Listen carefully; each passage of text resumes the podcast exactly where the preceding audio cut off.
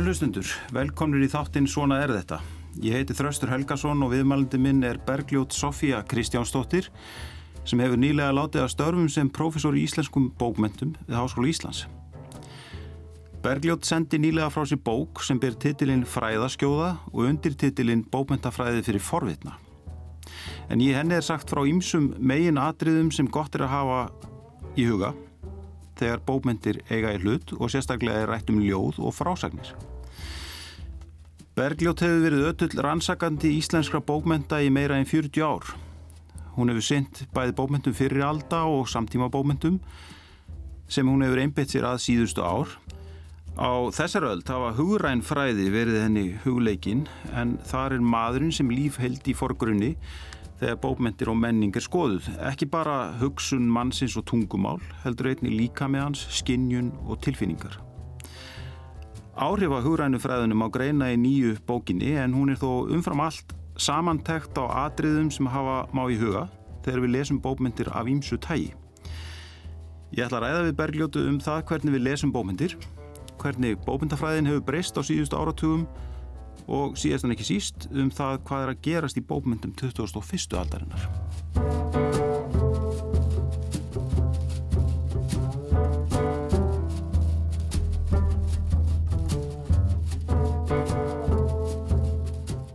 Bergljótt, velkomin í þáttinn. Takk að þið fyrir. Þú hefur synt kennslu í bókmyndum meður á minna allan þinn starfsferil uh, ásand rannsóknunum og það er að maður les bókina þína nýju, finnum maður að þú ert fyrst og fremst að reyna að opna bókmyndunar fyrir þeim sem vilja komast nærð þeim og skilja betur og þetta er, þetta er bókmyndafræði fyrir forvitna eins og segir í undir tilli er það ekki rétt hjá mér? Þú ert, að, þú ert í raun og veru að þú ert að tala til nefnda, jável Ekki endilega nefnda, heldur, heldur til þeirra sem hafa áhuga á bókmyndum ég verð að segja að sko ég byrjaði að kenna rétt rúmlega tvítug Þannig þetta er að verða nærið því hálföld og það gleður mig mjög þegar ég kem til dæmis á skáldakinningar í bókasafni Hafnarfjörða fyrir jól að hverja sé ég sitja þar spenta eftir að hlusta á upplesturinn. Krakkana sem fór í raunvísindi. Já. E, gamla nefndu mína frá áttunda áratugnum og ég held að, að fólk áttu sig ekki á því að það er út um allan bæ, fólk sem hefur áhuga á bókmentum og miklu fleiri heldur en einhverju nefndu sem sitja á skólabekk. Akkurat. Og það er bara fyrir allast líka sem ég skrifa þessa bók. Allt fólk sem er forvitið um bókmentur og, og, og bækur og... Já, og bara fólk sem hefur áhuga á bókum og, og skáldskapi yfir leitt. Já. Og þeir eru miklu fleiri heldur en fólk gerir sig grein fyrir. Já. Þér finnst ekki að áhugi á bókmyndum og kannski skilningur á þeim sé að, sé að minga? Sko ég eh, hugsa það sér rétt að það hefði dreyið að hluta til úrlestri bókmynda. Mm -hmm. En e, þá verðum við átt okkur og því að, að það getur fleira komið til. E, eitt barnabarna minna, hún gerir alltaf hvort við ekki senn að hlusta á bækur og lesa þær. Já. og hún byrjar gerna ná að hlusta á þær Já. og ég þekki fjölmart fólk sem hlustar á bækur en lesa þær ekki endilega mm -hmm. og það skiptir engu, þetta er bara eins og þegar við sátum við ríkisútvarpi í gamla daga og, og drukkum í okkur hvert einasta leikrið var, var á dagskrá þannig að þar fengum við alveg gífurlegt bókmynda uppeldi mm -hmm. og framhaldsögurnar og allt saman Og ég held að þessi breyting sé að verða svolítið mikil núna að hljóðbækur eru að sækja á. Við hefum alveg eftir að rannsaka eh, hvort að lestrinum hefur rakað mjög mikið meðal fólks. Mm -hmm. Það kom tímabil eh, þar sem allt átt að vera svo mínimalist á heimilunum að það mátti hverki sjást bók af því að það sést náttúrulega rík í bækur og svona og alltaf hallærislegt að hafa þær og, en það tímabil held ég að sé á enda. Unga Já. fólki er aftur komið bækur en það kaupir bækur öðruvís en við gerðum. Mm. Það til dæmis hefur áhuga á kiljum. Já. Það vil frekar eða kiljur heldur en innbunna bækur. Þannig að það eru bara svo marga rannsóknir sem við eigum eftir að gera á bókamarkanum áður en við förum að fullir það eitthvað svona. Já en sko það að hlusta á textalesin og það að lesa hann sjálfur er ekki munur á viðtökunni þarna. Og vit, vitum við eitthvað um það sko, Öruglega og það er eitt af því sem við þurfum núna að fara að setja okkur í stellingar með. Mm -hmm. það er að, að fólk les bæði á netinu eh, það les bara í kindlinum eða, eða bara bókstáli í tölvunni eða símanum og það hlustar á bækur. Og þetta eru viðtökur sem við þurfum að fara að kanna nákvæmlega og aðtuga munin á áhrifunum mm. að það leikur í augum upp að það er annað að fá það í hirnina heldur en að fá það í sjónuna. Mm -hmm. Er uh, erfiðar að kenna bókmyndafræði núna eða fyrir 30 eða 40 árum? Eh, er munur á nefndum? Er, er, eh, finnur sko, ykkur ykkur að grundvallar breytingu? Grundvallar breytingin sem ég finnst vera er svo að upplýsingarnar eru svo miklar sem hlaðast að fólki mm að uh, sagan verður um, e, sem sagt, fólk sem ég kendum 1990 var betur að sér í sögu heldur en fólk sem er já, að koma já. núna en mér finnst til dæmis bara hópurinn, hóparnir sem ég hef verið að kenna síðust ár það er bara úrvalsfólk áhuga samt, les allt sem að kæfti gemur og hérna og er glögt og skinsamt og, og skemmtilegt þannig mm. að að ég er ekki með sérstakar áhyggjur af æskunni. Nei, finnst þér, uh, finnst þér sko, þau koma jafnvel undirbúin úr framhaldsskólum og þau gerðu fyrir Sko það, var, það er búið að halda lengi fram að það verði svo hræðilegt fyrir fólki komið sem að sé 17 og 18 ára inn í tímatilmans og það mun ekki geta neitt og það verði svo óþroskað og ég veit ekki hvað og hvað. Eh, ég er nýbúin að vera með próf hjá uh, fyrsta ársneimum og ég vel bara segja það að þeir sem kom út þryggjára náminu stóðu sér feikilega vel já, já. og ekki síður en þeir sem kom úr fjára ára náminu voru eldri já.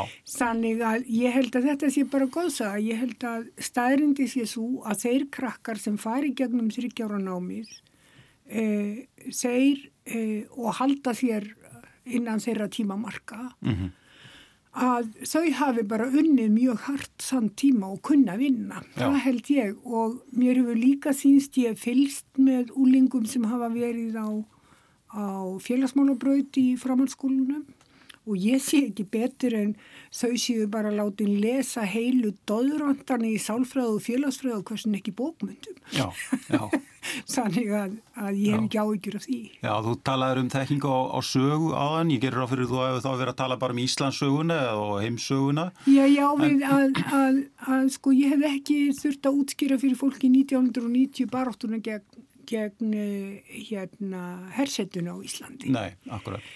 En núna þá má maður ekki gleyma því að, að þegar hruni var 2008 þá eru sumir af nefndum að spara smábönn þannig maður verður útskýra hrunið.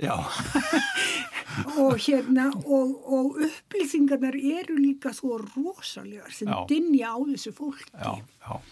Að, að hérna að ég get alveg skilið að, að það sýtt alltið annað heldur en til dæmis þegar ég var allstu Já það er bara miklu meira af upplýsingum og, og í, á ferðinni. Já, allstaðar En sko ég ætlaði að spyrja en hvað með bókmyndasöguna? Hvernig, hvernig er hver er svona þín tilfinning fyrir því? Er, er hver er þekkings ungfólks, ungsfólks á bókmyndasögunni?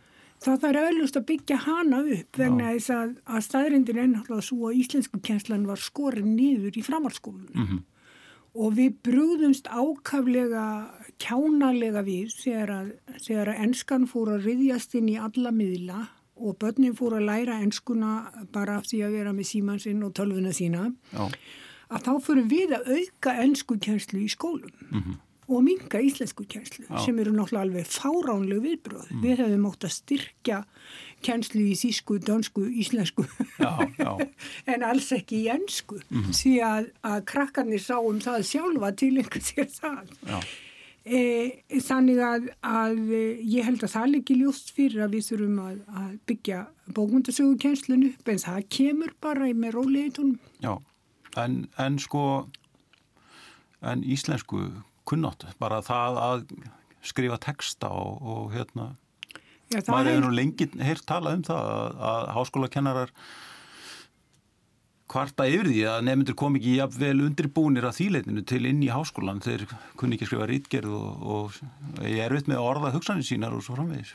Já, ég held að, að það líka alveg ljóst fyrir að e, það er stór hluti e, hérna úlinga núna sem notar ennsku bara líka í samskiptum, til dæmis þeir eru að spila leiki, þeir eru að tala sína á milli, miklu meira heldur en áður týrkaðist. Mm. Þó að við lærðum snemma dönsku mín kynnslóð, þá vorum við ekki farin að tala saman á dönsku 12-13 ára. Mm. En það getur maður séð núna í vinahópum að fólk sé farið að tala saman á ennsku. Já. Og fyrir nokkrum árum þá uh, gerði ég rannsókn á, á viðtökum ungmenna við, við hérna, ákveðnum köplum úr Íslandíkasögu Sturlu Þorðarssonar Og þá fór ég meðal annars í Borgróldskóla og hitti þar mjög skemmtilegan hóp krakkar sem fóru í, í hérna e, svona listnámi á listnámsbraut og þau töluðu mjög oft ennsku sín á milli. Já. Og ég hef séð þetta hjá fleirum og það er náttúrulega þetta sem að gera það verkum að ef að fólk e, fer að hugsa og lesa aðalega á ennsku þá náttúrulega verður fljótt, fljótt að týnast niður uh, uh, sjálfunni að skrifa og hugsa á íslensku. Mm. Og ég held við þurfum sérstaklega að, að huga að þessum þætti. Er, er, er verið að gera það í Háskóli Íslands og hvernig væri hægt að gera það? Já, sko, ég held að það er að byrja miklu fyrr, sko. Ég held að, að ég held að það er mjög mikilvægt ég og sýstur sem er grunnskólakennari. Mm og hún er mjög duglega að halda börnunum að lestri mm -hmm. og ég held að það séu leikskólanir og grunnskólanir sem skipta máli í þessu samhengi en ekki framhalskólanir og háskólin. Já, nú er, nú er dætur mín að lesa uh, skaldsugur Halldórs Lagsnes á nútíma íslensku. Já. Ég... Er, er, það, er, er þetta eitthvað sem við þurfum að hafa áhyggjur af eða er þetta eitthvað sem að, hérna, finnst þetta skrítið til dæmis að Nei, eiginlega ekki, sko, ég hef lengi verið að býða eftir því, ég held að það hef verið sko fyrir 2000 sem ég spurði einn nefndahópin eh, hvenar þau heldu að, að skáltsugur haldur slagsnis dittu bara upp fyrir, að mm. nefndur hætti að tengjast þeim. Já. Og þá var ég bara að hugsa um sko að eh, fyrir manneskils og mig sem að vann í fristihúsi í mörg ár og, og og þekkti til sjómönsku og hafi verið hún í tógar og svo framvegist og salka valka náttúrulega sjálfsæður hlutur. Ja. En hvað er það fyrir einhverja mannesku uh, unga sem að vinna núna bara í bónus og hefur aldrei séð fristjús? Nei, nei. Eh, á þeim tíma þá mann ég að það ætlaði einn stúlkanæri því að klórur mér auguna því hún var svo rifinuhaldur og lasnið svo hann var svo hræðileg tilhúsnaðan ditt upp fyrir. Já. En, en sko ég held satt best að segja að, að um, Eh, bækur hans frá fjóruða áratöknum að það sé ekkit óeðlegt við það að það er verði framandi e, nútíma nefndu. Mm -hmm. E, orðafar í þeim klósíi, lanir, ja. fólk veit ekkert hvað hann er að tala um. Nei. Þannig að, að hérna, mér finnst það ekkit óeðlegt. Já.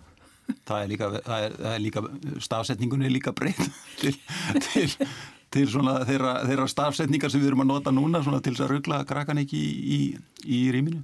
Já, en ég held kannski sko að það væri bara næra að, að lesa aðra höfunda jável sko. Það þarf ekki endilega alltaf að, að, að eh, til dæmis var Íslandsklukkan kent árum saman. Af hverju Íslandsklukkan? Af hverju ekki brekkuðsannal sem slendur miklu nærið þessum krökkum? Eh, eh, það er einhvern veginn sko dálítið tregða oft í skjókólakerfinu að ef að einhver hefur lært eitthvað sjálfur þá vil hann halda áfram að kenna það endalust. Það er svona einhver tendensin í okkur kennurum. Já, akkurat. Ég man eftir því að þú talaður um að skrifa bókum frásagnarfræði svona um það bila árið 1990 þegar ég var sjálfur í námi hjá þér svo það komi nú fram í þetta ég er, ég er gammal nefnandiðinn og sko og bókin þín, þegar ég las bókinu þína núna uh, að þá mynd hún mig á þessa ætlum þína uh, frá cirka 1990 en í millitíðinni hefur þetta ímislegt gerst og breyst í bómyndafræði Og bókiðin er væntanlega svolítið önnur en svo sem þú hefði skrifað fyrir 30 árum, ekki satt? Sko, uh, það er dálítið spurning uh, hvena maður byrjar að skrifa eitthvað og hvena maður leggur drögað einhverjum skrifum. Já. Og ég held að rætur þessara bókar síðu sko miklu aftar en á tíund áratugnum. Mm. Uh, til dæmis byrjaði ég að kenni framhalskóla sem sagt bara rétt rúmlega tvítug Og þá kendi ég ekki bara bókmyndir, heldur kendi ég setningafræði árum saman. Já, já. og ég held að þess sjáu staði í þessari bók. Á sama hátt, þú nefndir það að ég hefði fengist við miðaldabókmyndir. Ég kom að útgáfu miðaldabókmyndi í meirinn 20 ár já. og þá var maður auðvitað alltaf með, með nefið ofan í, í mælskullistarfræðum. Þannig að, að það má líka sjá á bókinni. Akkurat. En það er alveg rétt hjá þér að uh, allir það hefði ekki verið 1993 sem vinur okkar Mattias Viðar Já. vildi að ég færa að skrifa frásnafræðin. Já. Og ég byrjaði að huga því, en til allra hamingju hvarf ég frá því, af því það voru komnir svo margir vísar fram á þeim tíma sem áttu á einhvern hátt eftir að, að vaksa og dafna og, og gjör breyta sviðinu setna meir. Mm.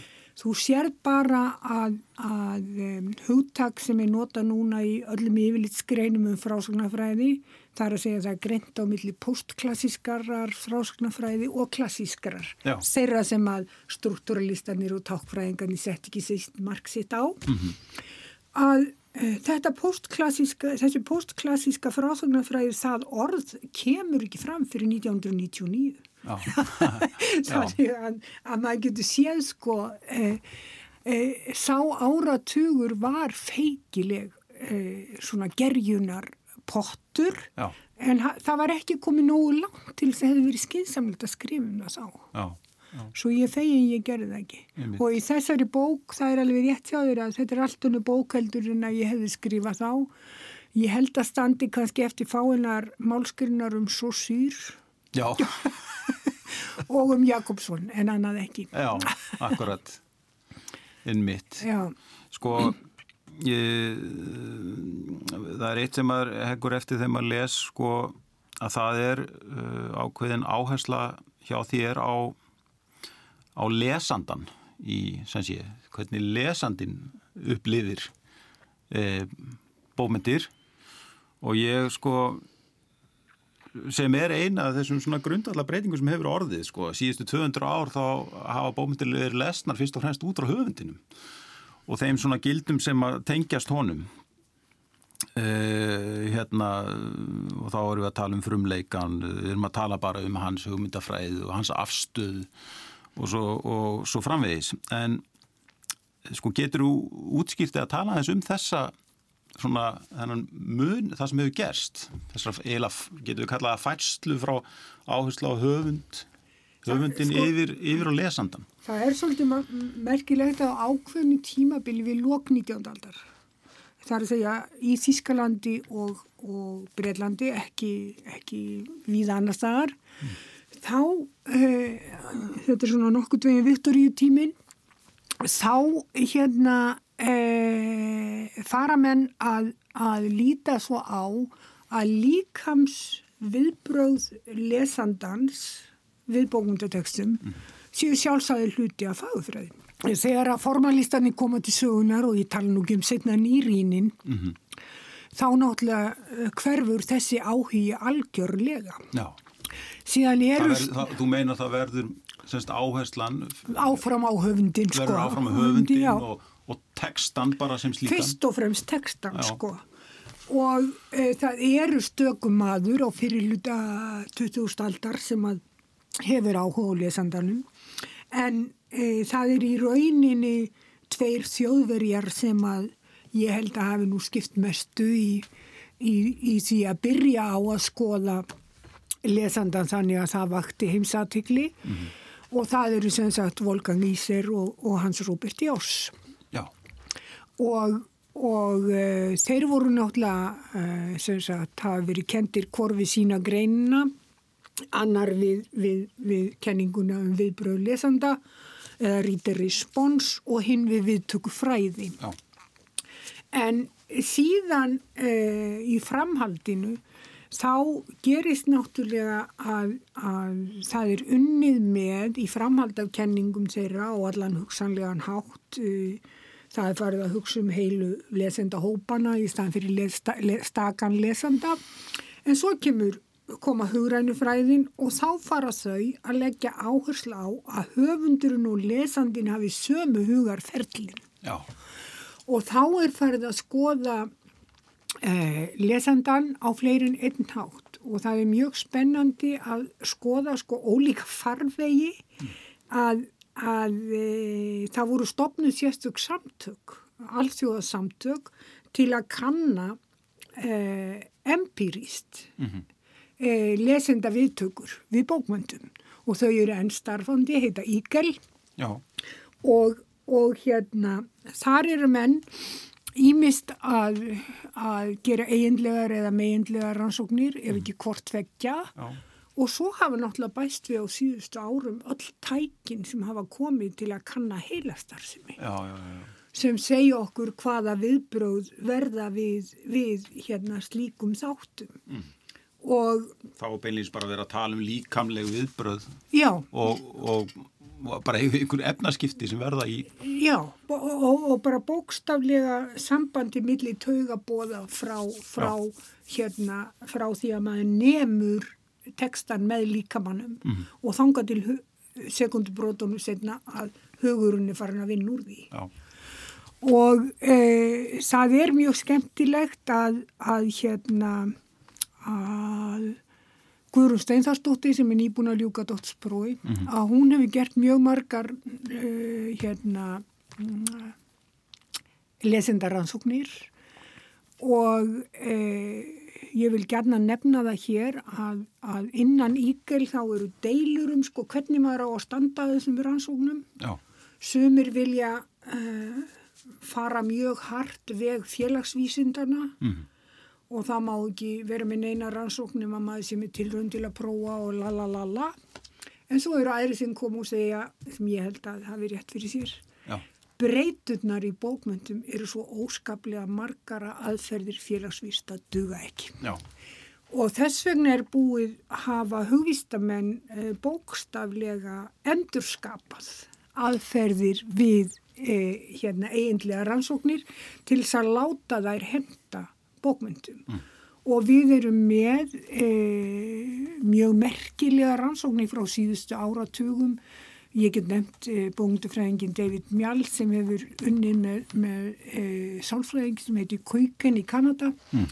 og hann hefur gefið út heila bækur um, um viðtökur e, bókmynda og mm. verið í allavegana rannsóknum ekki síst á nefndum sínum og, og uh, þeir félagar mjálókuíkan, þeir eru þeirra skoðunar að sjálft bókmyndagildið felist í miðlum tilfinninga.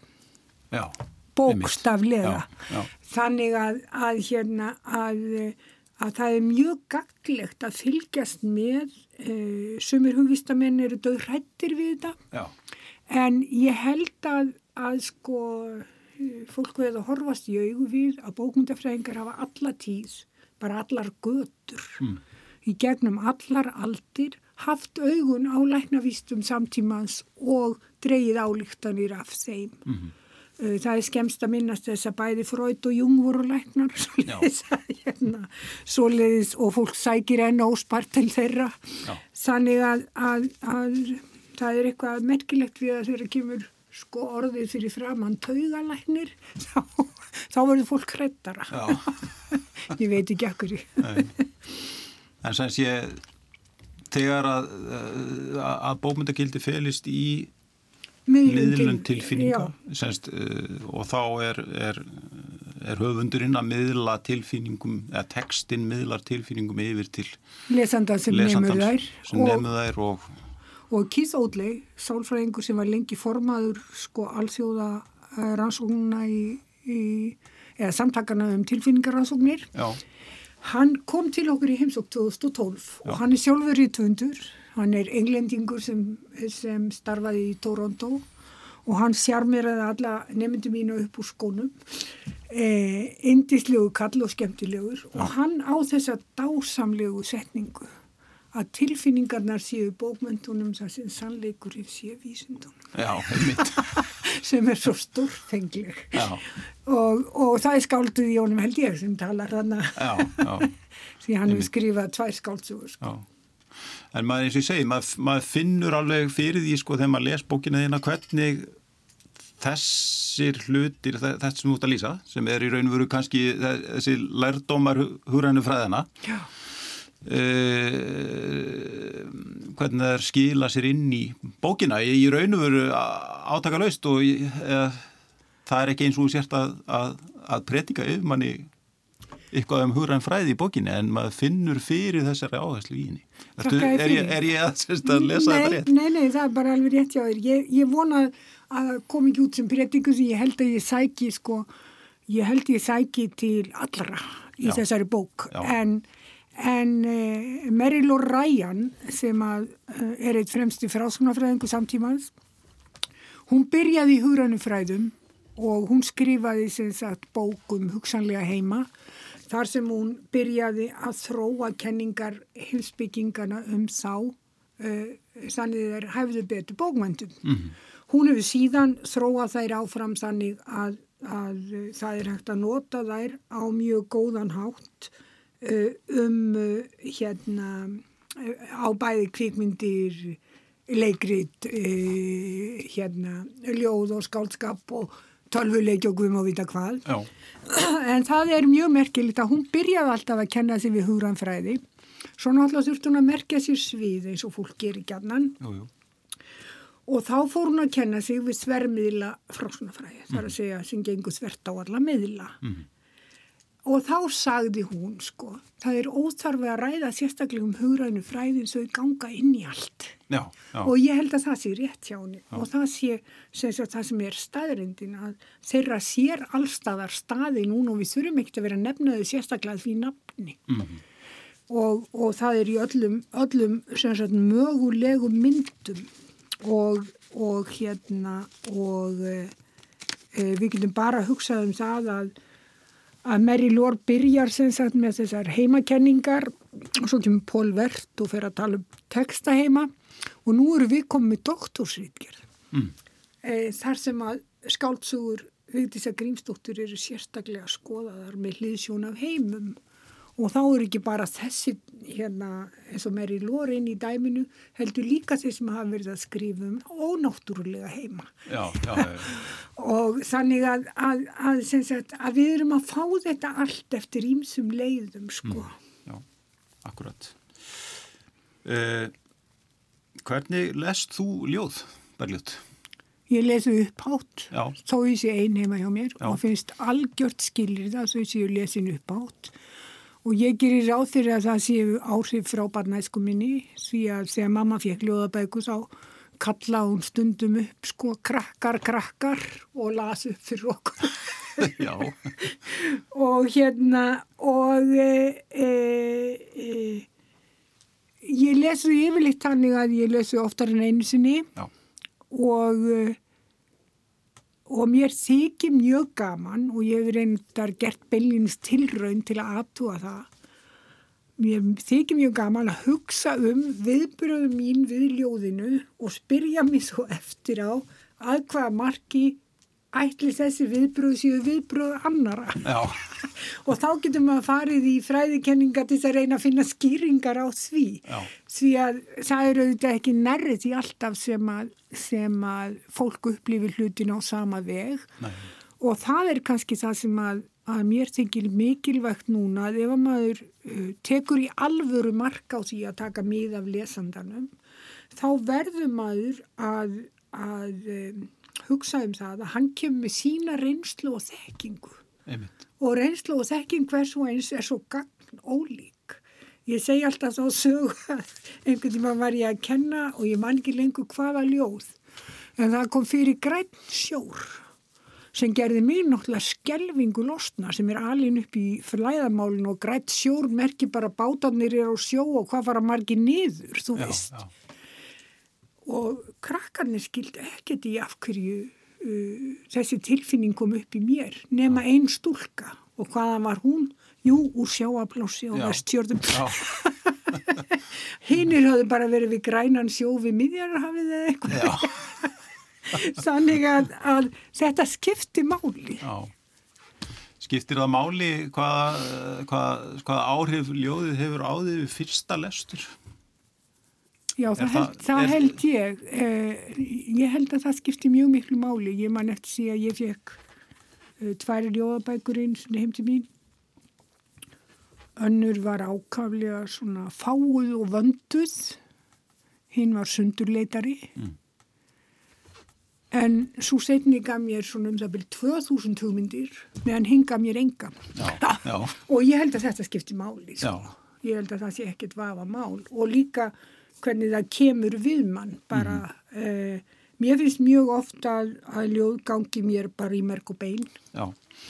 og uh, og uh, já Er ykkur samiðilega einkenni á ljóðum sem að gera það? Er það, er það tilfinningarlegt mál eða er það, er það, eða er það eitthvað í stíl eða er það eitthvað umfjöldunar? Getur það verið hvað sem er? Ég held að getur verið mjög margt mm. sem að má merkja á því að, að ég er ekki sko hugmyndalega sammála einari bendið sinni. Já. Þú veist, Já. ég er eiginlega algjör hugmynda andstæðingur hans, Já. en ég elskar hans sem skáld. Þannig að, að það er fleira heldur en, heldur en eitt sem kemur til, sko. Og, og hérna, og... Uh, Já, ég held að það sé líka svolítið mikilvægt sko að maður geti hrifist af því sem að uh, sem að uh, maður er andstæður. Veist, já, ég held að það sé líka já. bara líkilatrið í lífinu, yfir leitt. Já, akkurat. Einmitt. En hvernig lestu skáldsug? Er munur þarna? Já, já, mm. það er ansið mikið munur. Eh, sko ég teka fram að ég er sko, ég held ég sé búin að skýra 2000 dróttkvæða vísur mm. þannig ég er ljóðamanniska sko fyrst og fremst já, í mínum eigin huga já. Ég hef alltaf lendi í frásögnum einhverja hluta vegna og, og ég les frásagnir uh, ég teki eftir því að fólk lesa á tvennan hátt. Uh, eiginmaður minn les frásagnir einu sinn og hægt en hann kann það rutana þegar hann er búinn.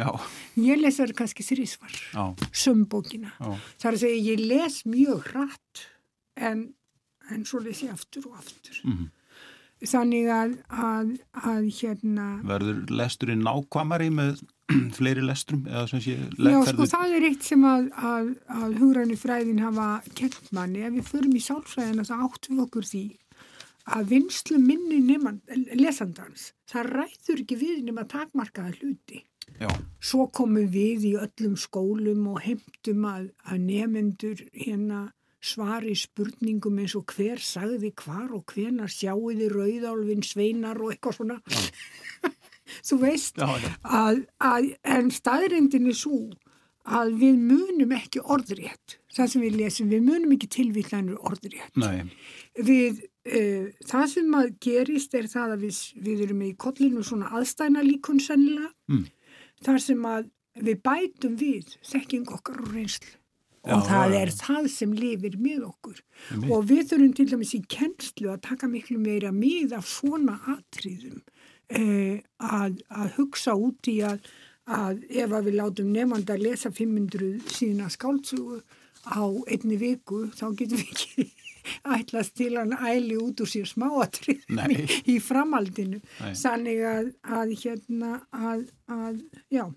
Þannig að tólkuninni á verkinu sem þú hefur lesið er kannski einhvers, einhvers konar lærdómur sem þú hefur dreyið af Já og, og, og sko og ég held að það sé mjög algengt sko sem að fyrir aftur í bækur að þá fer sko áttamæður sér á að maður hefur farið rámt með. Já, já akkurat. Þú veist. Já, já. Og, og það er mjög spennand að skoða. Við erum með, sko menningin uh, setur hún í hausin á okkur allavegana líkingar sem að hérna uh, eru komna fram á varirnar á okkur sko áður við vitum og allavegana skemu og guðm og vita hvað. Hugsaði þér af hverju segi ég hérna uh, maður þarf að glíma við. Býtu, ég hef aldrei verið í glímu, hvað svættingur er þetta? þú veist, eða það er um lífið að tefla ég hef ekki telt því ég var átt ára eða eitthvað. Þú veist, þetta lifir allt innra með manni þessar klísjur og koma fram á varirnar á manni. Og nákvæmlega sama hátt erum við með persónu líkun, þar að því að við erum með stereotýpur sem lifi í höfðun á manni. Og við erum voða fljóta að grípa til þeirra þegar við erum að lesa skálsugur þó það eigi ekki endilega við Já. þannig að, að, að það er mjög gaglegt að hafa augun á svona hlut Akkurat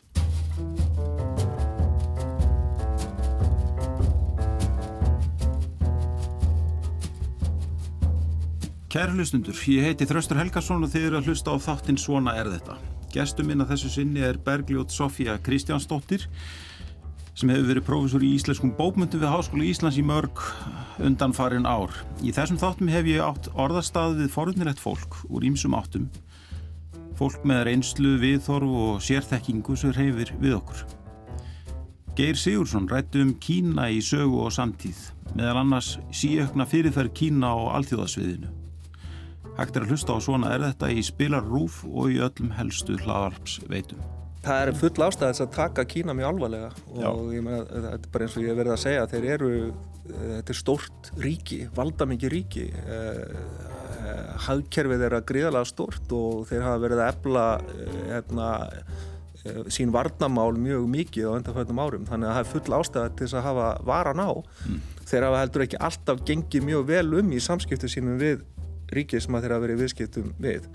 En hitt er auðvitað annað mál að það, það hefur, um, hefur verið alveg mjög mikið á þessum óta í fjölmiðlum og þetta hefur bara verið, held ég, eh, hérna, engirandi fyrir alla vestrana fjölmiðla eftir 1989 Já. eftir, eftir hörmugarnar á, á, á torgi Simneska friðar.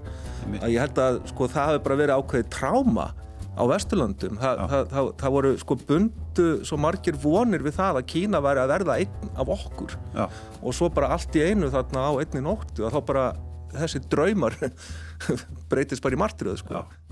Bergljótt, ég myndi hér í setni hlutanum uh, að þættinum vilja ræða við um bókmyndir á fyrstu tveimur áratugum 21. aldarinnar síðustu 20 ár Hvað finnst þér hafa uh, einkent uh, bókmyndir síðustu ára? það er eiginlega svo margt. Já, Eh, við getum byrjað á af því við vorum að tala um lesandan og það er svolítið merkilegt sko hvað áhugi bókmyndafræðinga hefur vaksið á lesandanum. Mm.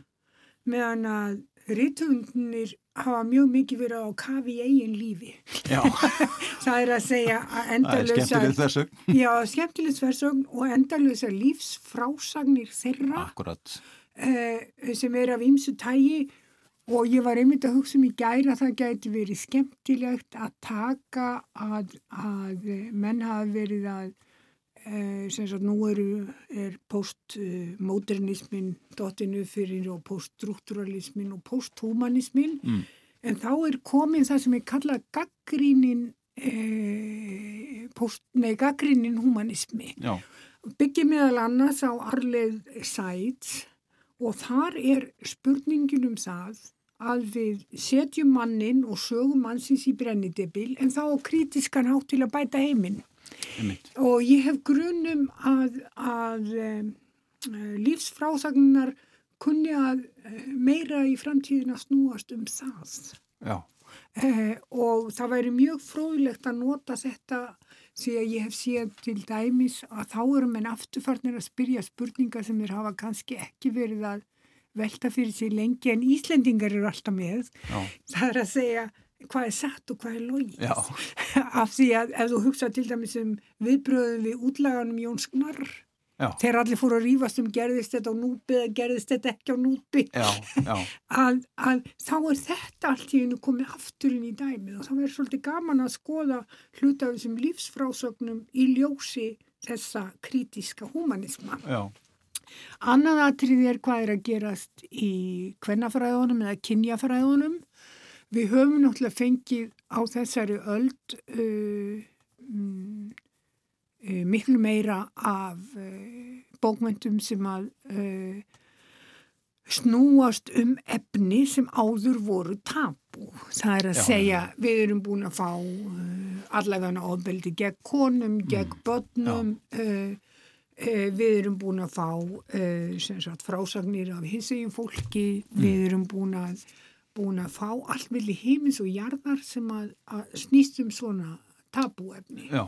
Og eitt af því sem ég held að væri þörf á að gera, ég held um Kristín Jóns hafi sítt fyrir einhverjum árum í hérna e, grein eftir mexikoska, nei marokkoska konu held ég, um popfeminisma. Já, og, sem er hvað? Já, það er eiginlega fleirin eitt. Sumir útleggja það bara sem popular feminism, mm -hmm. bara sem stytting á því Já. og taka það í mjög víðri merkingu. Aðri taka það í þrengri merkingu og tengja sérstaklega popmenningu af ímsu tægi. Mm -hmm. Og við sáum til dæmis að það gerðist með, með uh, Flóridænar Bergþór Snæbjörns. Já. Að þar var talað um ekki poptengsl. Já. Og og mér fannst það mjög skemmtilegt um, að hugsa um það í ljósi þess að í næstu bók þá var hún að endur skoða runnsæð þannig að, að þetta voru dálta mikla randstæði millir bókana tveggja Já. og er kannski dæmi gert fyrir sko gerjununa sem er núna.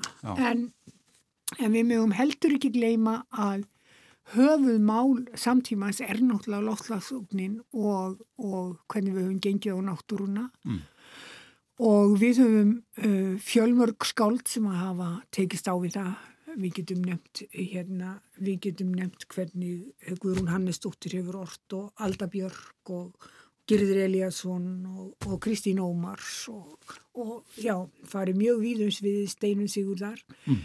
eh, en svo var hruni líka Einmitt. sem að setja svo mikið marksitt á bókmyndirnar já og það er, það er svolítið gaman að sjá sko það var jæmt hjá einhvern veginn e, miðaldra höfundum og yngri sko Já.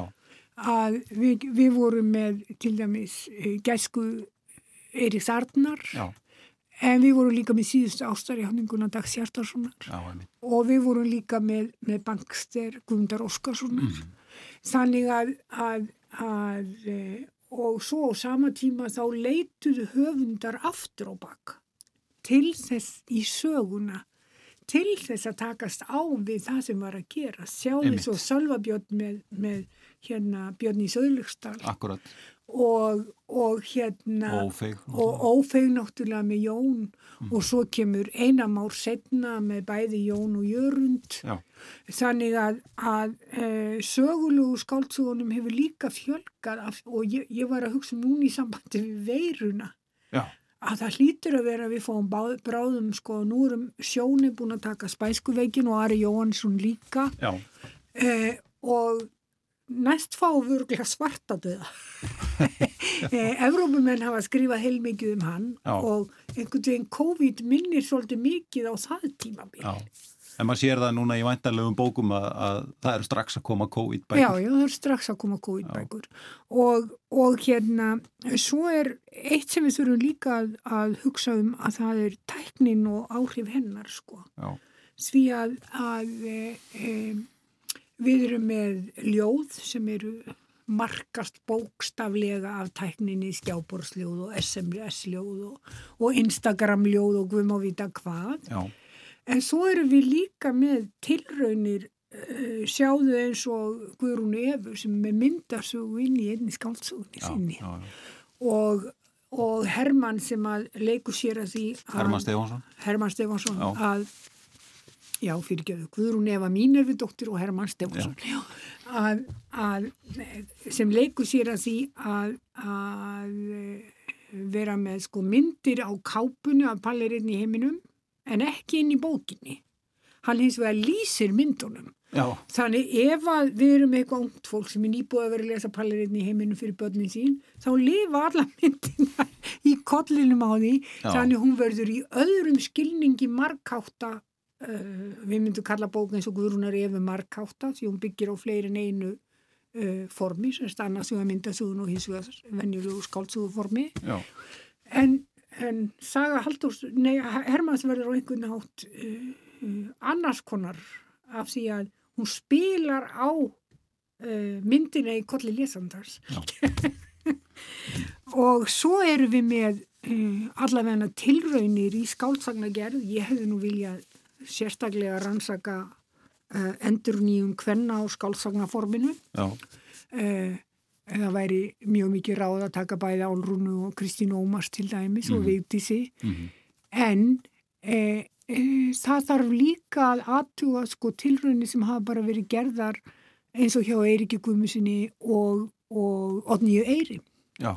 E, af því að við erum að fá fólk sem er að reyna að glíma við að koma skáldskapnum frá sér á annan hátt en áður. Já, en það sko, þú nefndir sko raunsæðis hefðina áðan, Já, en þannig er kannski fólk sem er að vinna úr sko hefð mótinismas eða hvað, eða hvernig ég var horfa á það. sko, ég hef mjög lengi viljað skrifa um raunsægi og kannski kem ég því í verk áður ég rekk upp af. Mm Af því ég held að við höfum notað það hugtak mjög ránt. Já, Ég held að, að raunsægi uh, sem ekki tekur mið af, af uh, fantasíu, draumi, óskum, uh, þrám, öllu milli heimsverðar, það er ekki raunsægi, það er eitthvað allt annað, það er upplýsing kannski. já, Uh, Símon, ég held að það hafi verið Símon Jóhann sem kallaði hérna það sem sumir vilja kalla nýja raunsægið á, á 8. áratunum sem kallaði upplýsinguna hinn og nýju. já, já. Mér fannst það alltaf svo já. gott. En þú veit í raun og veru að, að sko, ég, við höfum aðeins rætt þetta, þetta mála áður okkar á milli vegna þess að við vorum að skoða til dæmis svolítið kenningar eða hugmyndir Sigursa Daðasonar um, Já, já, um, um sem sé, mótinisma og svo raunsægi já, bara upp úr miðri síðustu öld já. og, og, og þú ert svolítið á þeirri línu að, Já, að ég er meirinn á það þeirri er þessi línu. svona Ég, svolítið breyða skilgrinning á raunsæðis hugtækinu já, ég held að sko það er verið að endur skoða raunsæðisúttæki mjög víða núna. mm. Uh, það er, er hérna, það er, ég var fyrir mjög miklum áhrifum að kynverja þegar ég var ung. Um Kína. Kýverskum skáltsagnahöfundi sem að, að eh, gerði svona töflu yfir raunsægi og romantík og svo framvegis. Og ég hjó sérstaklega eftir því að draumar voru enginni raunsægis Já, og uh, sko ef að maður tekur ekki mið af öllu því sem fylgir manneskunni er maður þá raunsæður. Ég vil þess ekki miða raunsægi við stíl, ég vil miða það við lífsafstuð og það er bara mjög einfallega mín afstafa. En, en ég held að, að sko, ég held að við eigum eftir að skoða mjög margt í sambandi við tilraunir sem fólk hefur verið að gera uh, af því ég nefndi Eirík áðan. Mm. Þá til dæmis hef ég verið að hugsa um að við þurfum að skoða hans sérstaklega með hlýsunar rúsneskum bókmyndum já, og uh, ég var byrjuð á því einhvert árið já. Hva, En- hvað áttu við þar? Svona, getur aðeins? Já, ég bara velta fyrir mér að, að hann hefur sótt til, til skálda sem að gera það að verkum ef maður skoðar ekki textatengslina þá uh, missi maður á helmingnum. Já, Og, og hérna uh, það getur verið sem sagt mjög brínt fyrir okkur. Uh, við erum með Otníu sem kemur frá Fraklandi og með alla sína uh, skjálasapsþekkingu. Þú veist að, að það getur verið mjög brínt fyrir okkur að fara á kaf og í svona höfunda til að glögg okkur á hvað er í gangi. einmitt. Akkurat. Kanski aðeins að lokum að við nefndum nú aðeins ljóðagerð hérna áðan. Uh, en mér finnst það hafa verið mér finnst einhvern veginn vera mikill uppgangur í ljóðagerð og hafa verið núna undanfarin ár. Og meðal annars hjá uh, smáforlögum og hópum sem tengjast þeim eins og meðgönguljóðum og partus og, og, og fleirum. Uh, og sko þá nú uh, svona á, á tímabæli fannst fólki vera einhver svona deyfð yfir ljóðunum og, og ljóða útgáfu en, en hva, hva er, hver er svona þín tilfinning? Er, Ég held að sko, ég held að reillistin hafi skipt mjög miklu máli í Já. þessu samingi. einmitt, Og ég- riðlistin, kennslan í Háskóla Íslands í Íslands, já. já. Og ég verði að segja að, að fyrir fáinum árum þá var ég með kursum um hérna ljóð og konur Já, og þar var meiri hluti nefndar rillistanemur. Og við gerðum það þannig að, að ég var alltaf með einhver, einhver fræði í fyrsta tímanum. En svo í næsta tíma þá máttu nefndu velja hvort þeir fluttu fræðilegan fyrirlestur um skáldið eða ortu til þess.